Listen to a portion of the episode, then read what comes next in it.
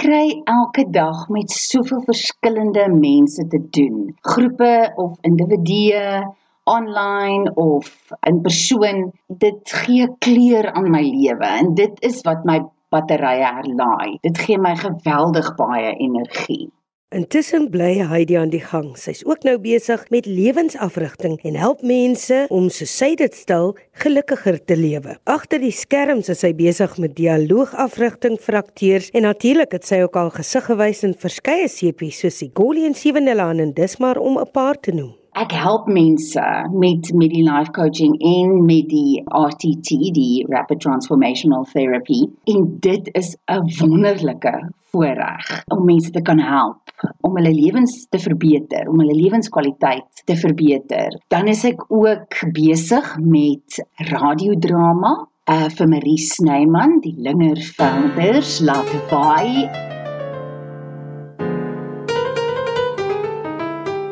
Die Lingervelders laat vaai.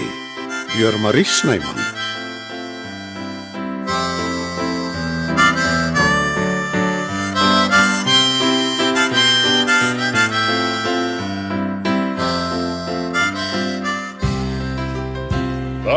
Koffie vrou mens en my ontbyt. Ekskuus. Ek is um ja. Oh, wa, wat is ek vanmôre? Heeltemal die mekaar. Ag, oh, ja, dis wat. Ek trek darm net jou siel uit. Jammer, Chris, ek het glad nie gehoor wat jy sê nie.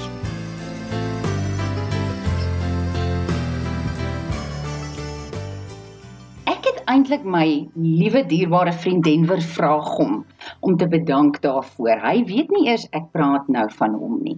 Denver en ek het saam gewerk op 'n paar goed of ons het mekaar ontmoet en geselsies gemaak en so aan. En hy sê toe vir my, "Wat van radiodrama? Hierdie was in 2008." Hy stel my toe voor aan Evert Snyman. Evert is ongelukkig oorlede 'n paar jaar gelede, maar wat 'n man.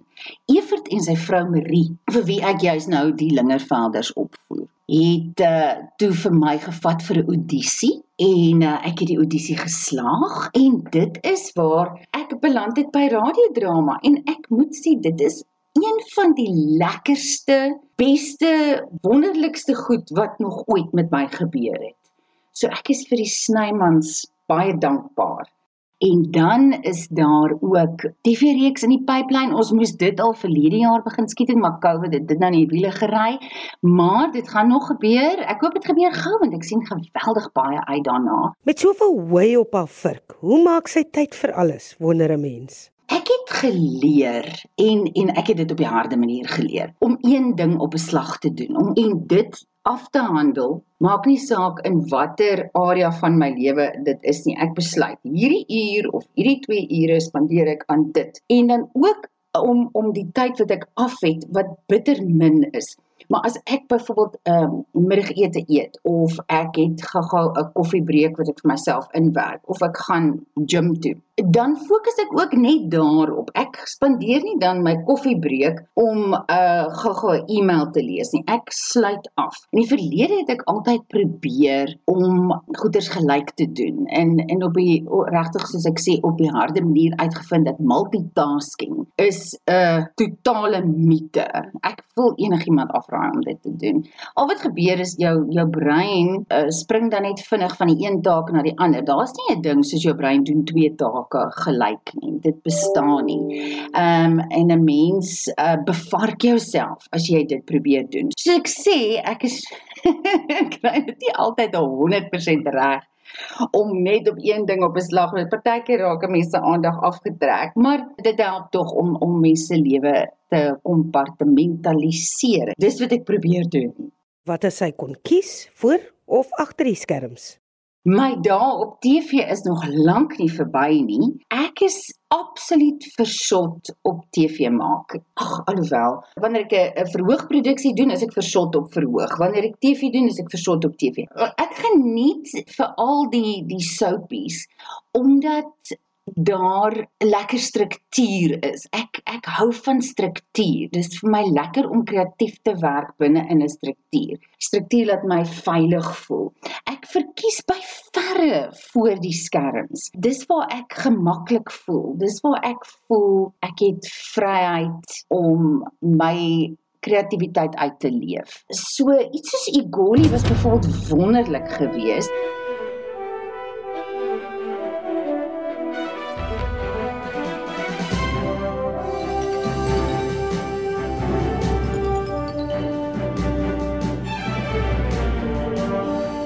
Daai tyd was dit die die eerste soapie wat Suid-Afrika gehad het. So dit was 'n vreeslike prestige ding om nou daar 'n rol te kon kry. Maar ek het nog altyd in in die soaps ehm um, het ek net 'n story arcs gedoen. So dit is enigiets van 'n maand tot 3 maande wat jy daar is. En ek het altyd gesê ek wil nie permanent by 'n soapie wees nie want ek wil my diversiteit en so aan wil ek bewys en ek wil kan wys ek speel verskillende dinge. Wel as jy my nou vra, sal ek enige tyd 'n permanente rol in 'n in 'n soap vat.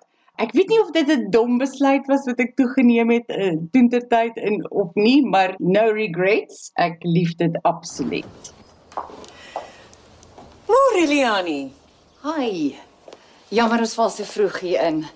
Dankie vir jou gasvryheid. En in hierdie vreemde tye waar die meeste van ons tuis werk, hoe vind 'n mens tog werklik die perfekte balans?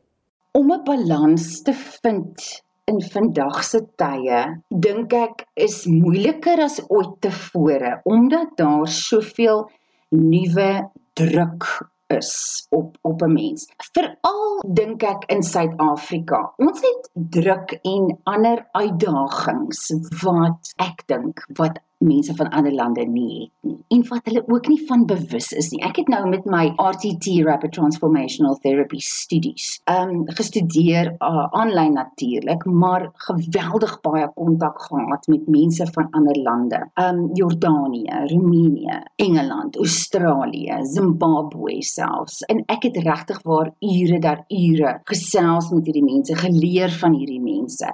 Ek het net weer eens agtergekom mense besef nie wat ons uitdagings is. Ons is geweldig uniek in hierdie land van ons. En ek dink dit kan baie maklik raak dat 'n mens oorweldig raak, veral as jy nou deesdae so baie van die huis af werk en jy raak al hoe besigger en besigger. En uh, verlede jaar wat wat niks vermoedende ouers ook onderwysers moes geword het, uh, wat 'n mens net soveel balle in die lug moet hou. Ek dink die enigste manier hoe 'n mens dit regtig vir jouself kan laat werk en dan natuurlik jou uh, laat werk vir jou familie ook en mense sal met wie jy bly is om net te fokus op een ding op 'n slag. Ek sê weer, want multitasking is 'n mite.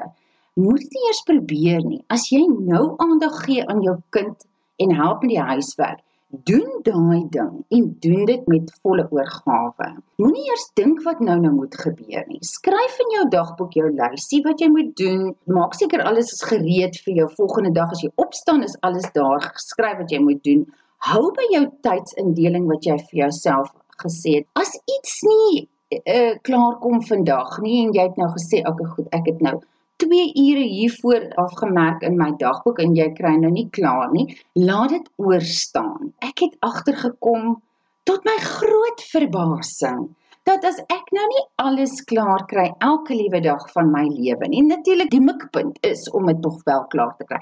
Maar as jy nou nie klaar kry nie, die wêreld gaan nie ophou draai nie. Laat dit oor staan na die volgende dag toe. Dit sal my raad wees om balans te kry. Die vraag was hoe kry mens die perfekte balans? Ek wil net sê, moenie probeer perfek wees nie. Jy gaan elke keer faal. Perfection is not required. Only your best is required. En dan was daar haar Naledi toekenning vir haar rol in The Revlon Girl. Uh, haar naam was Rona. Ek sê Rona, uh, want dit is 'n uh, 'n uh, Walliese teks gewees. Ons moes met Walliese aksente praat. Dit was 'n verskriklike groot uitdaging. Ek was partykeer bang dat ek dit nie gaan regkry nie. Uh, gelukkig het dit op die einde baie mooi uitgewerk. Daar was ongelooflike nominasies saam met my gewees. So dit was vir my 'n verskriklike groot eer en een waarvoor ek altyd sal dankbaar wees en altyd sal onthou. Haar grootste droom is om ander te help.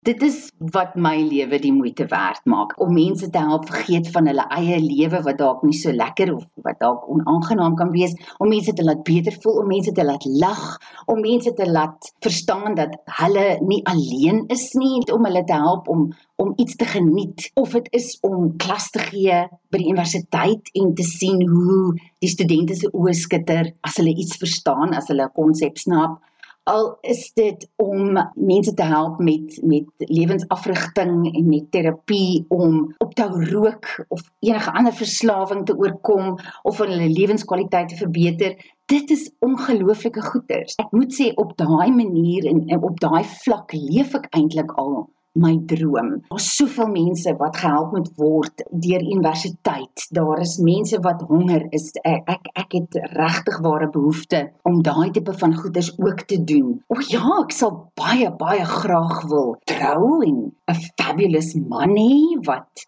ek 'n partnership, 'n vennootskap mee kan hê. Dit sal baie nice wees. Daar's nog baie baie goed wat ek wil doen en ek sien uit daarna. Dis opwindend.